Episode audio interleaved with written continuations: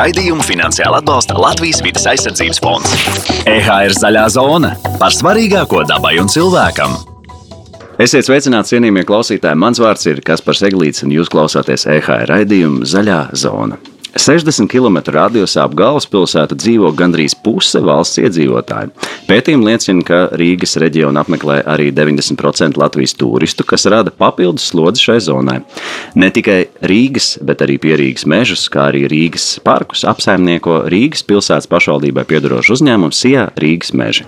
Vēl Sijā Rīgas meži ir sava koka audzētava, stāda audzētava un pat vidas izglītības programma zaļā klase skolēniem.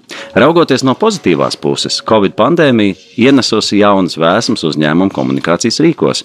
Piemēram, viens pēc otra top izzinoši parku audio gidi un cilvēki vairāk novērtē krāšņos Rīgas puķu dobas, tajā pat laikā aktivizējušies parku postītāji. Par Rīgas un Pierīgas mežu un parku lomu rekreācijā un ne tikai zaļajā zonā pastāstīs Sijā Rīgas meža valdes locekle Anita Skudra. Sveiki! Sveicināti! Ļoti garš ievads, daudz ko stāstīt droši vien, bet uh, nu, mana nojausma ir par to, ka Rīgas meži nav tikai un vienīgi meži, kas atrodas Rīgā. Līdz ar to nu, likumsakarīgs jautājums, kas īsti ir Rīgas meži, un pašā sākumā pieminēja arī tādu vārdu kā rekreācija. Tad kāda ir tā loma tajā rekreācijā? Jā, e, Sijā Rīgas meži e, ir tiešām pirmkārt jau brīnišķīgs uzņēmums, kas pieder e, Rīgas pašvaldībai.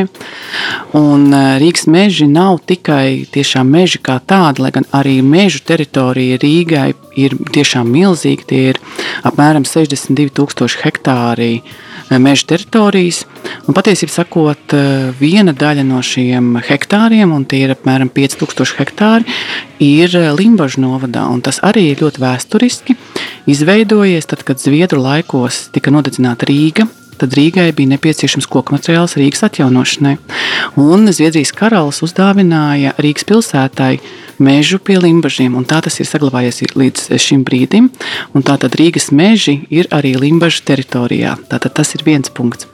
Bet eh, Rīga Rīgas meži nav tikai jā, meži. Mums ir arī pašiem sava e, kokaudzētava, un tā atrodas Norupē, tātad Ogres e, novadā, Ogres pilsētā praktiski. E, vēl kas mums ir jāpie, jā, noteikti jā, jāpiezīmē, ka mūsu um, saka, pāraudzībā ir visi Rīgas dārzi un parki. Un tie arī ir ap 308 hektāriem, un šīs teritorijas aug.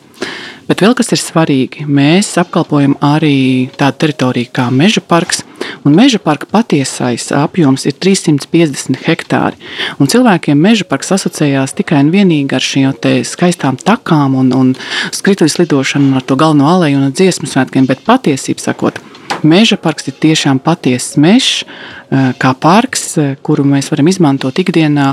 Jā, šim modernajam vārdam rekreācija jeb atpūtai, ne tikai šo galveno aleju, bet arī, bet, bet arī vispārējo teritoriju. Un rekreācija, tas patiesībā sakot, ir tāds, kā lai saka, mūsu jaunās dzīves, labbūtības viens no pamatprincipiem, ka mēs visi vēlamies atpūsties, un, un pēdējā laikā arvien vairāk tas notiek dabā. Un, un, un Kur gan vēl labāk, ja ne daba ir tepat pie mājas, eh, pie Rīgas pilsētas un apkārtnes teritorijas. Un tāpēc mēs ļoti daudz domājam par to, kādā veidā attīstīt šīs te mūsu teritorijas. Un līdz šim jau arī mēs esam gan parkus uzskatījuši kā, kā, kā vietas, kurās var atpūsties. Un, un ziemā mani kolēģi uzsāka tādu aicinājumu, ej mežā, kam patiesībā bija milzīga, milzīga atsaucība no iedzīvotājiem.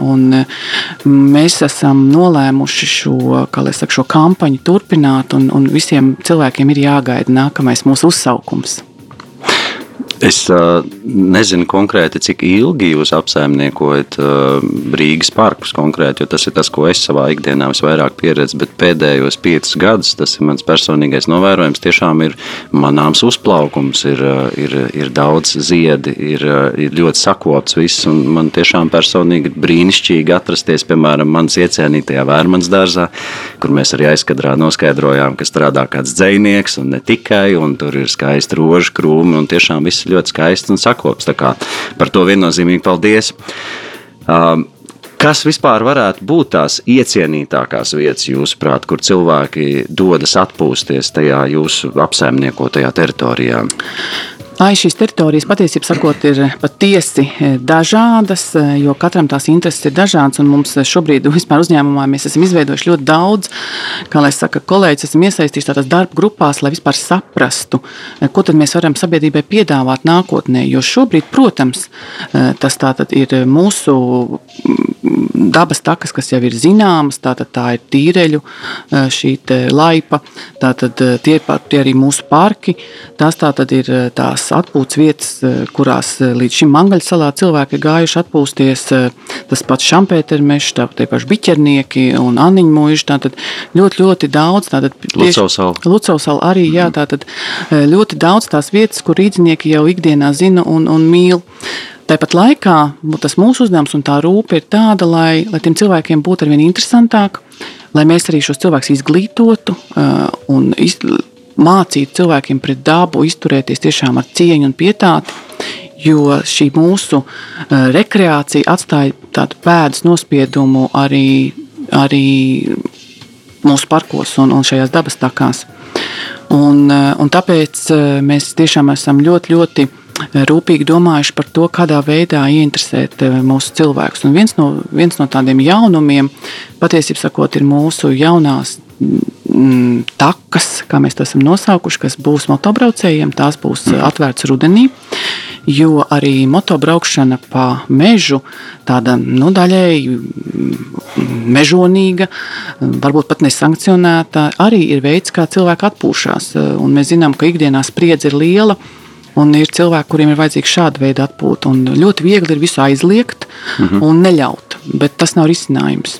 Un tieši tāpēc eh, mūsu kolēģi kopā ar Latvijas Motosporta federāciju ir izstrādājuši. Tātad, eh, kopumā būs četras iesākumā šīs motobraucēju takas, eh, kurās būs izstrādāti noteikumi, kurās būs norādes, kurās būs arī atkritumu urnas, kurās cilvēki varēs tiešām baudīt šo procesu. Tas viss būs tādā regulētā veidā, un jāsaka, vietās, kuras jau motobraucēji šobrīd ir iecienījuši. Mm -hmm. Un kurus viņi jau ir pabojājuši, būsim atklāti. Jo es tieši gribēju teikt, ka attiecībā uz motobraucējiem tā Tā problēma jau savā ziņā ir tā, ka īsti meža teritorijā nav noteikumu.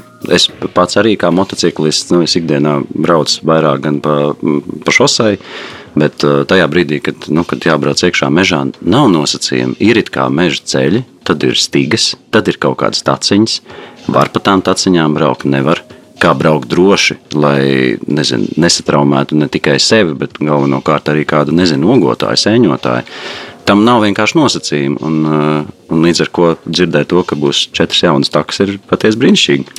Jā, un patiesībā sakot, uh, nu, tas, tas, šis, šis, šī mūsu ideja radās ne tikai tāpēc, uh, lai mēs tiešām iepriecinātu nu, motobraucējus, bet mēs arī redzam, ka patiesībā tas ir bīstami arī pašiem motobraucējiem. Mēs atceramies pagājušā gada notikumus vidzemes pusē, kad kotociklists gāja bojā.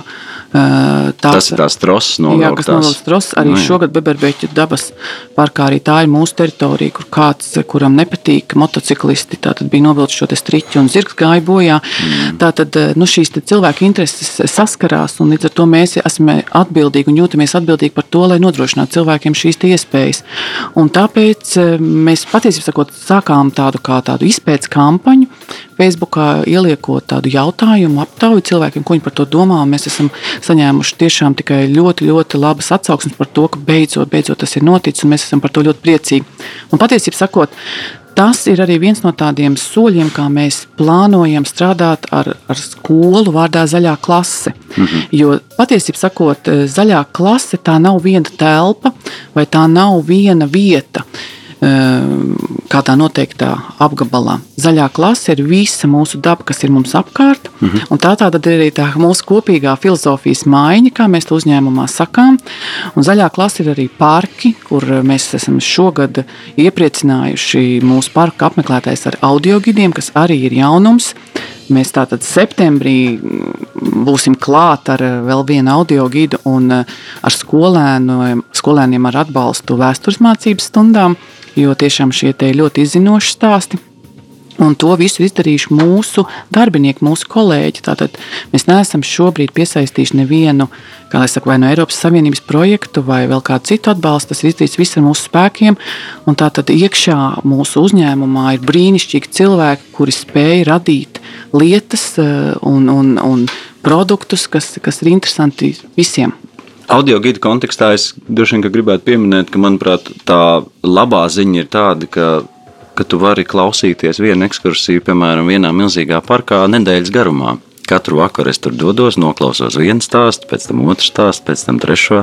Jā, tā ir. Un, un tas, kas mums vēl priecē, ka šai idejai ir atsaucību guvuši arī citi uh, interesanti un ir uzrakstījuši arī projektu, kas ir palīdzējuši šos audio gidus uh, tulkot citās valodās, kas arī ir būtiski. Un... Tas ir saistīts ar to milzīgo turistu pieplūdumu, ka, ka, ka, ka visas valodas var aptvert. Jā, tieši tā, tieši tā. Kā ir ar šiem audio gidiem? Vai ir paredzēti tik tikai parkos, vai arī kaut kad, teiksim, tajā pašā tīreļa laipā, vai vēl kaut kur mēs varēsim to dzirdēt? Jā, nu tā tad audio gidi patiesībā sakot radās mūsu šajos pandēmijas apstākļos, mhm. kad sanaicinot kolēģus uz sanāksmi un, un mēģinot saprast, ko mēs vispār varam darīt šajos apstākļos, kad neko nedrīkst darīt. Jo arī stāsts par to pašu tīreļu laipu, Kādā brīdī tā noslodze šīs lēpas bija tik milzīga, ka mēs bijām spiesti to aizvērt ciet, jo tas bija vienkārši nedroši cilvēkiem, jo tur nevarēja izmainīties. Tātad tur nebija iespējams ievērot šos divus metrus eh, vienam no otra. Un tāpēc mums bija jāizdomā, ko mēs varam darīt, kā mēs tos cilvēkus varam novirzīt uz kādu citu vietu, Bet uh, tas virsuzdevums ir tāds, ka ne tikai nu, saka, atpūsties, bet arī gūt kādu māksliniecisku vai intelektuālu pienesumu. Un, un, un mūsu kolēģi Anitrai Tomai, kura ir tiešām tāds zaļā dzīvesveida piekritējs, eh, un es domāju, ka Latvijā nav daudz cilvēku, kuri vispār nebūtu dzirdējuši viņas vārdu, viņa nāca ar šo priekšlikumu par audio gidiem, un mēs arī viņai teicām, Anitra uz priekšu. Un lūk, eh, tas projekts ir izvērties par tādu tiešām sirds darbu, un Anitrē mēs esam milzīgu pateicību parādā par šo, jo mēs ar šādā veidā atstājam arī to stāstu vēsturei. Jo mēs cik tik daudz ir gan tās mācības, gan visu dzīvot šodien, esi šo, šeit un tagad, esi šajā brīdī. Mm -hmm. Bet patiesībā sakot, eh, kas paliek pēc mums, tāds ir tas jautājums, un vai kāds zinās, par to, ko mēs esam darījuši. Un tieši tāpēc arī tik svarīgi zināt par eh, vecajiem Rīgas dārzniekiem, par projektētājiem, par īpašajiem kokiem, par to, cik īpaši ir mūsu parki, jo mēs ikdienā steidzamies tiem cauri eh, da, savā darīšanā, nemaz nemanām to, kāda vērtība šeit ir. Bet patiesībā tiešām mūsu parki ir eh, tāds Eiropas līmeņa vēstures piemineklis, par kuru būtu jāraksta.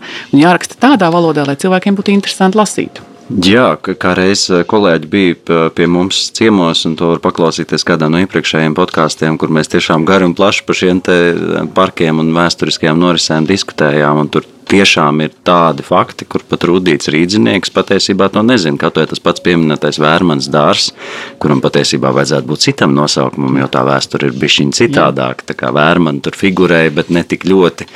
Nu, tur vienmēr sakot, tur var paklausīties, vai laikam jau pat. Uh, vislabāk doties pašiem, izbaudīt šo stāstu. Noteikti. Jo, kas, manuprāt, ir labi, tas, ka pieņemsim, jauni cilvēki var mūsdienās vienkārši doties un, un, un klātienē redzēt to koku tajā brīdī, kad par viņu stāst.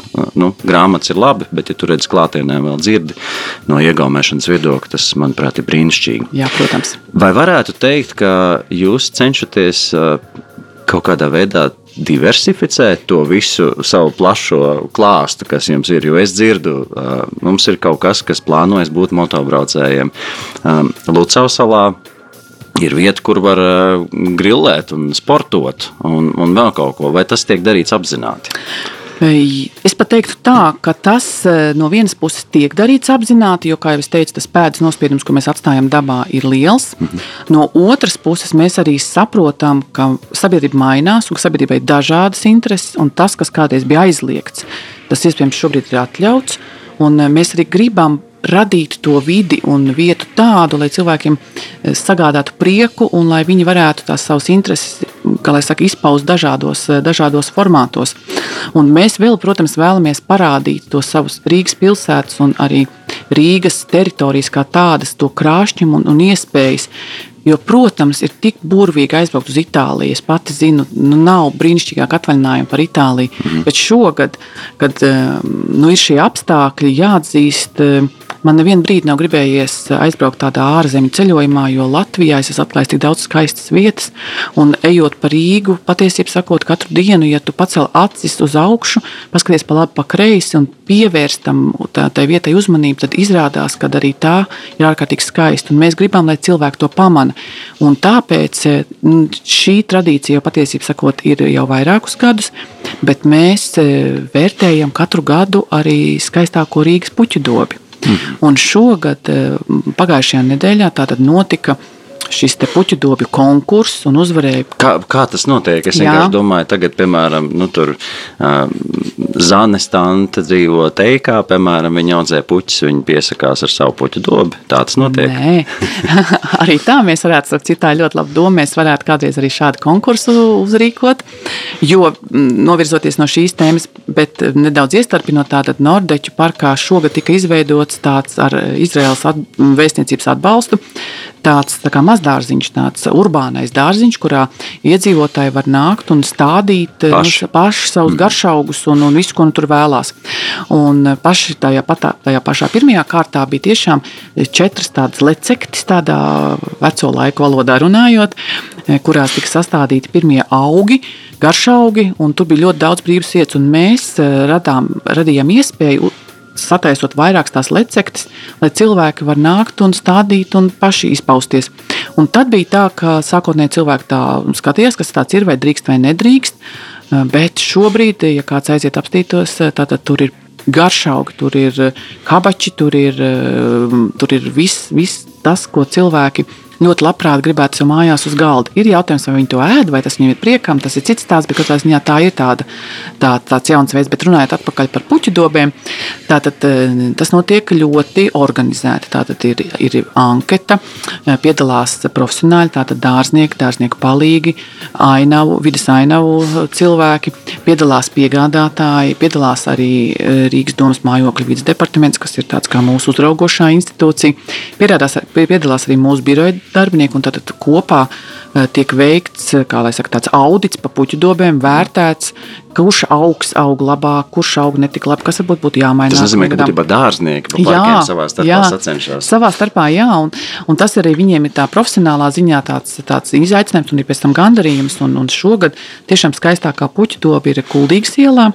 Un, un jāatzīst, ka man praktiski katru dienu sanāk braukt garām šai dobai. Tas ir pārdaugavā kaut kur. Mm. Jā, pie sloks ielas.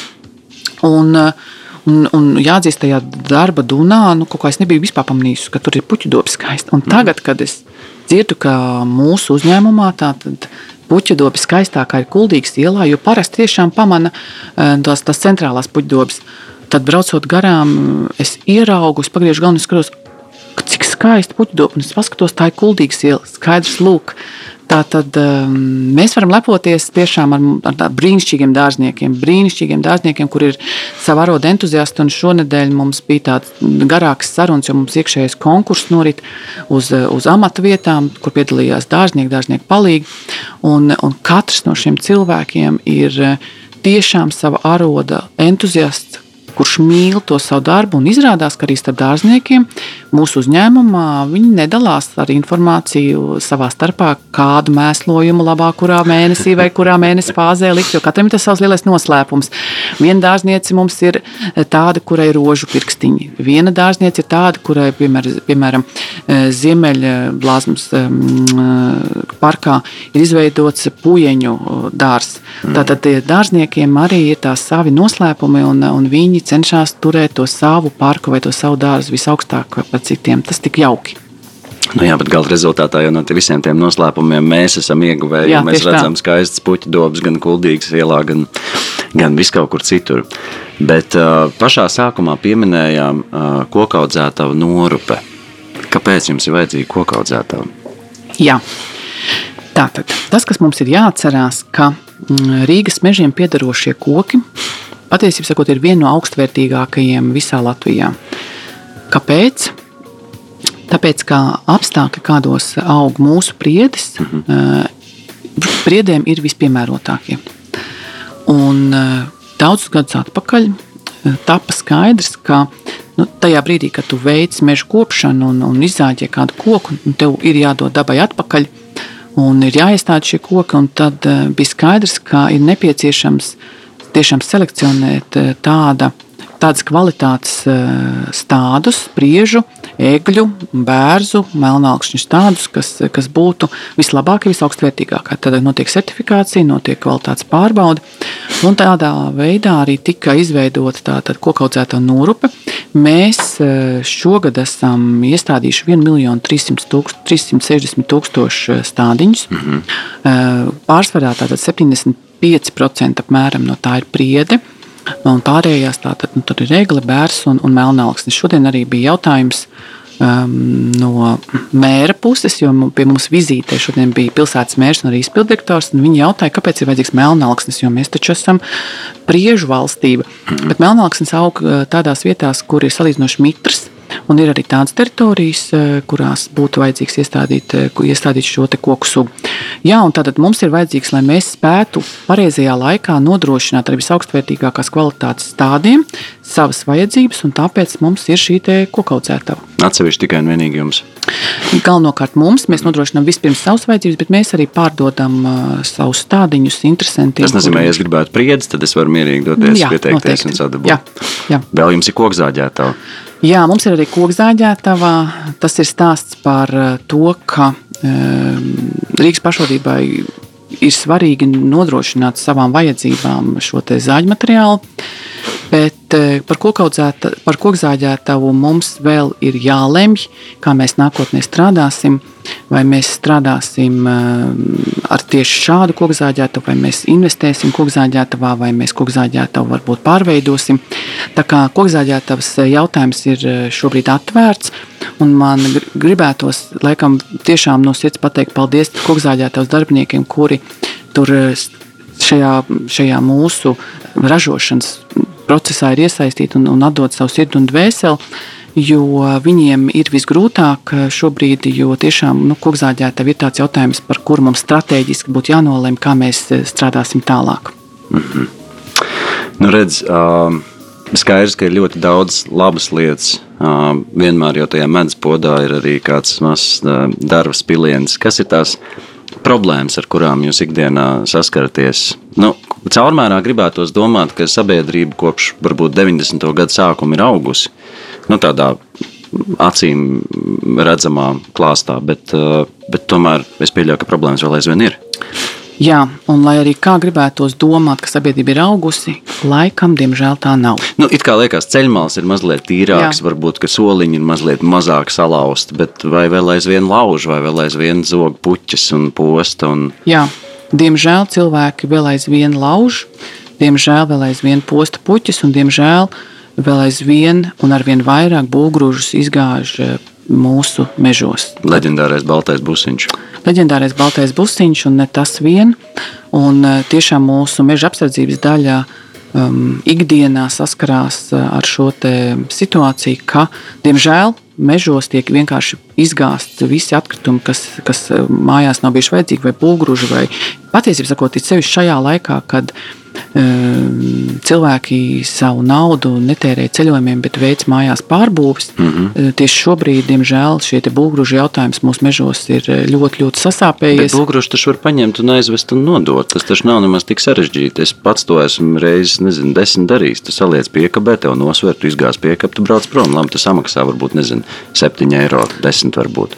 Bet, ziniet, eh, kas vēl tas dīvainākais? Es pati dzīvoju Tukumā, un Tukumā ir uzbūvēta Eh, rūpnīca, kas pārstrādā eh, nolietotās riepas, automašīnu riepas. Mhm. -huh. Katram iedzīvotājam nu, saka, ir atļauts četras riepas gadā aizvest uz šo rūpnīcu, nu, un, atdot bez, jā, un bez maksas atdot. Viņi pieņem pretī, tev par to nekas nav jāmaksā. Un es vienkārši vēroju, ka mežmalas ir pilnas arī tukumā ar nolietotām riepām. Un līdz ar to man reizēm gribās sastapt to cilvēku, kurš to dara, un paskatīties viņam acīs un pajautāt, ko viņš šajā brīdī bija domājis. Un tas ir tāds sāpīgs jautājums, un eh, es domāju, ka šeit mums ir vajadzīgs strādāt tiešām visai sabiedrībai kopā, skaļi par to runāt, eh, un arī jāatzīst, aizrādīt, un iespējams arī sodīt. Un, eh, jo izskatās, ka šeit tolerances punktam būtu jābeidzās tieši tāpat, kā tas attiecās arī uz postītājiem, kas lauž parkos soliņus, kas lauž bērnus rotaļlaukums, arī mūsu apstādījumus, gan Vērmanas dārzā, gan arī visos citos dārzos. Mēdz gadīties, ka cilvēki um, nu, hortenziju ziedošu ciedošu šobrīd krūmu, nolauž um, nezinu, kādām vajadzībām. Arī tad, kad ir zieda rododendri, kad cilvēki vēlās fotografēties rododendros, viņi ļoti, ļoti neuzmanīgi un es teiktu, nu, tā bez cieņas uh, kāpj iekšā šajos krūmos un nolauž. Un, un, un, Līdz ar to saposta visu to, ko mūsu, mūsu dārznieki ir izdarījuši. Un tas, protams, ir sāpīgi šiem pašiem dārzniekiem, šiem cilvēkiem, kas ikdienā to dara un kopj un, un skatās līdzi, lai, lai visiem būtu liels prieks. Jo, protams, mēs esam ārkārtīgi aktīvi paust savu viedokli sociālajos tīklos par to, ko kurš ir darījis pareizi vai nepareizi. Tad, kad jau tas ir izdarīts, jo mēs zinām, bija rezonance par to, par, par vērmānas soliņiem. Mm -hmm. Tomēr, tad, kad notiek vandālisms kaut kādā mērā, mēs bieži vien noturam galvu pājiem garām un nemanām to situāciju, kas tur ir. Bet, ja mēs visi kā sabiedrība tomēr būtu tādi, kas nekautrētos nu, vai nu aizrādīt, vai arī zvanīt policijai. Ja, pa laikam jau sociālajās tīklos es manu, ka ir kāds, kurš ir nofilmējis kādu manis pieminēto balto busiņu, kurš kaut ko gāž, un tad eh, izsaukuši policiju un tā, bet katrā ziņā tas noteikti nav īpatsvars. Jā, tā ir, un tāpēc varbūt mums visiem būtu jābūt aktīvākiem šajā jomā. Vienu laiku Vērmans eh, dārs konkrētais panāktu bija slēgts. Jā. Tagad tas atkal ir atvērts. Tagad tas ir atvērts, un pasaulē ir tādi parki, kuri tiek slēgti. Arī mums ir Ziemeļblāzmā eh, šis viens parks, kas tiek uz nakti slēgts. Uh, arī šobrīd ir daudzi par un pret, kāpēc vērmendārs vai nu vajadzētu aizslēgt, vai nevajadzētu aizslēgt. Bet uh, arī par šo jautājumu šķēp tiek lausti ir viens, viens, viens nostāsts, ir tāds, ka uh, Vērmans kundze, atstājot parku sabiedrībai, tai savā testamentā bija novēlējusi. Lai tas vienmēr ir atvērts. Lai tas vienmēr ir atvērts, jā. Arī tā, tāda sadaļa ir. Un, un otra, bet no otras puses, skatoties, ņemot vērā to, ka tur ir arī privāta teritorija, tad ir diezgan sarežģīti saprast, kādā veidā šobrīd mēs varētu mm, aizslēgt šo, šo, šo parku. Tā kā šobrīd mēs paliekam pie tā, ka parks ir atvērts, mēs kopā ar pašvaldības policiju esam atraduši iespēju sekot līdzi teiksim, tā vandāļiem, jo ir beidzot mums par lielu prieku ir uzlikts Vērmanas dārzā novērošanas kameras, kad var redzēt, kas mm. tad ir tie. Un to gan mēs redzam, ka tas Rīgā strādā. Jā. Jā. Jā. Tā kā, nu, patiesībā tāda resursa ir. Protams, sāpīgi ir tas, ka kaut kādā brīdī tā situācija eskalējās nu, līdz tādam kaut kādam tādam kritiskam punktam, un tad ar tādu iespējams tādu skaļāku notikumu virkni tiek atrasts risinājums, lai gan ļoti, ļoti gribētos, ka to risinājumu mēs atrastu varbūt arī ātrāk bez skaļa paziņojuma. To es jums novēlu.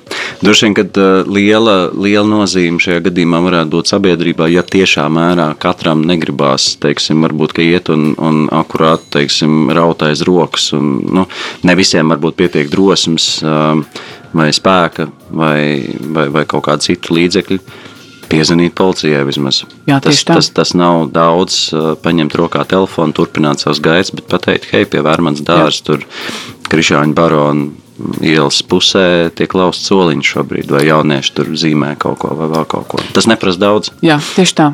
Ar to, uz, tas arī tas lielākais aicinājums. Nebūsim vienaldzīgi. Uh mhm. -huh. Mums nevajag riskēt ar savu dzīvību, ja mēs redzam, ka tur varbūt ir īpaši agresīva, bet priekš tam ir institūcijas, kuras par to atbild. Vienkārši viņām būtu jāziņo lai viņi spēj palīdzēt mums visiem kopā. Jo gala rezultātā jau visi mēs, kas dodamies dabā, neatkarīgi vai tie Rīgas meži vai kā citi nostūri, mēs jau visi gribam, lai tur ir skaisti un lai mēs varam atpūsties. Un es pieļauju arī tie, kas gāž tos būgrušus, viņi jau brauc vienkārši arī paši kaut kur uz kādu citu dabu. Protams. Nu, bet tad, vai tu gribētu tajā savā iemīļotajā vietā pie kāda ezera sagaidīt būgrušu kaudzes? Nu, droši vien, ka nē. Droši vien, ka nē. Līdz ar to liela loma tiešām ir sabiedrībai. Um, noslēdzošais, es gribētu teikt, tāds vissvarīgākais jautājums. Kas ir uh, jūsu mīļākā vieta Rīgas uh, meža teritorijā, uz kurieni jūs dodat atpūsties? Jāatzīst, ka mana mīļākā vieta laikam šajā reizē ir Basteikons. Jo šajā vietā es kaut kā sajūtu gan to vēstures elpu, gan arī tādu modernismu, gan arī perspektīvu, gan arī ainavu. Un, un šeit es arī ļoti labi jūtos, jo ejot uz Basteikānu, vienmēr es zinu, ka nu, šajā vietā es tiešām uh, eju atpūsties. Jo dažkārt citās vietās ejot, vairāk tomēr ir tie dabas darba jautājumi, bet Basteikāns ir tā vieta, kas man ļoti, ļoti tuvu sirdī. Paldies! Biežāk būt Basteikānā. Jā, liels paldies! Teikšu lielu paldies par sarunu. Um, tiem mūsu klausītājiem, um, kuri vēl nav izmēģinājuši audio gidus, um, vēlējuši to izdarīt, ir tiešām interesanti un, un dodamies dabā. Un, Dodamies dabā. Atgādināšu, ka šodien pie mums zaļajā zonā ciemos bija Sijā Rīgas meži valdes locekla Anita Skudra. Paldies! Jā, paldies! Paldies, vislabāk! Raidījumu finansiāli atbalsta Latvijas vidas aizsardzības fonds.